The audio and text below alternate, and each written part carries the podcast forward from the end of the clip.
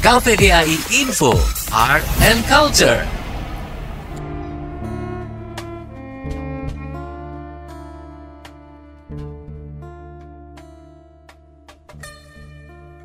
Sobat KVDAI, ada yang sudah mengenal Coto Makassar.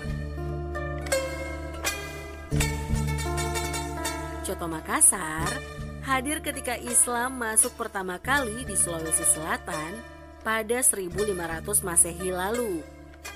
Tepatnya di sebuah daerah di antara perbatasan Kabupaten Takalar dan Kabupaten Goa. Di sana terdapat kerajaan kecil yang bernama Bajeng. Di kerajaan itu ada seorang juru masak yang sering dipanggil Toa yang sangat suka berkreasi dengan berbagai jenis masakan. Kala itu belum ada daging sapi, hanya terdapat daging kerbau. Jadi setiap harinya raja-raja diberi sajian daging tersebut. Karena yang diambil hanya dagingnya, maka seluruh isi perutnya dibuang. Toa yang merupakan koki handal kerajaan merasa sayang setiap melihat bagian dalam hewan itu dibuang percuma. Sedangkan masyarakat di luar kerajaan tidak pernah merasakan nikmatnya daging.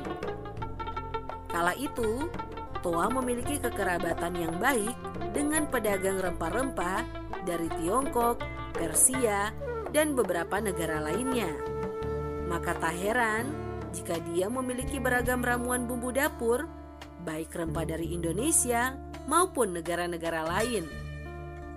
Akhirnya, dengan segala keahliannya, Toa mulai membersihkan jeroan itu, mengukus dan meracik bumbunya. Namun anehnya, Toa tidak menggunakan santan sebagai campuran kuah, tetapi air beras dan diberi kacang.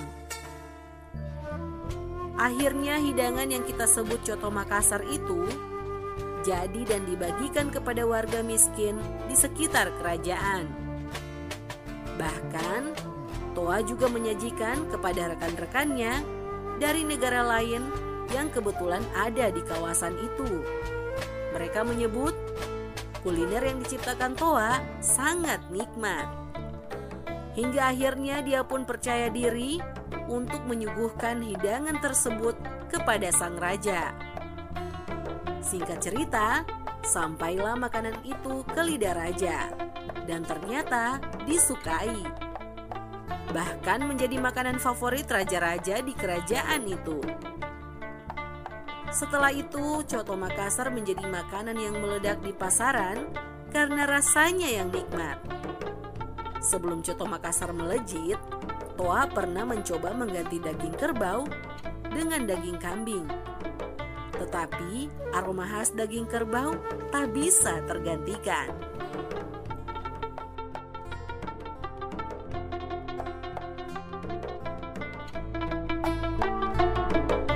Informasi ini dipersembahkan oleh KPDAI Regional 4 Wilayah Indonesia Tengah, Timur, dan Luar Negeri.